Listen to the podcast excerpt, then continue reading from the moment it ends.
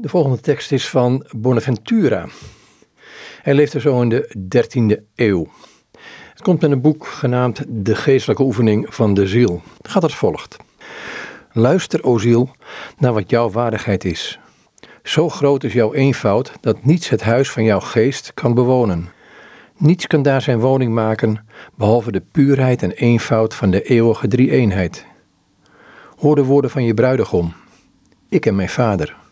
Wij zullen tot hem komen en verblijf bij hem nemen. En elders, en elders, naar Zacchaeus, klim vlug naar beneden, want vandaag moet ik in uw huis te gast zijn. Slechts God, die jou geschapen heeft, kan werkelijk afdalen in jouw geest. Want hij verkondigt, en daarvan getuigt Aurelius Augustinus, dat hij jou meer nabij is dan je jezelf bent. Verheug je dus, gelukkige ziel, dat je de gastvrouw kunt zijn van zo'n bezoeker. O gelukkige ziel, die iedere dag jouw hart zuivert om God te ontvangen, die daar zijn onderkomen vindt. Deze God, wiens gastheer niets anders nodig heeft, omdat hij in zichzelf de schepper van al het goede bezit. Hoe gelukkig is zij, de ziel in wie God rust vindt, want zij zal kunnen zeggen: Hij die mij geschapen heeft, rust in mijn tent. Hij zal de hemelse rust niet misgunnen aan degene die hem in dit leven rust heeft gegeven.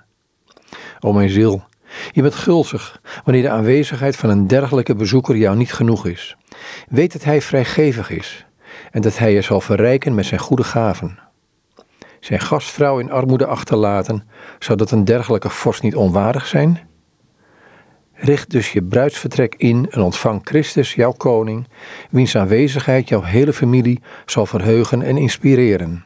O, waarlijk verbazend en zeer bewonderenswaardig woord.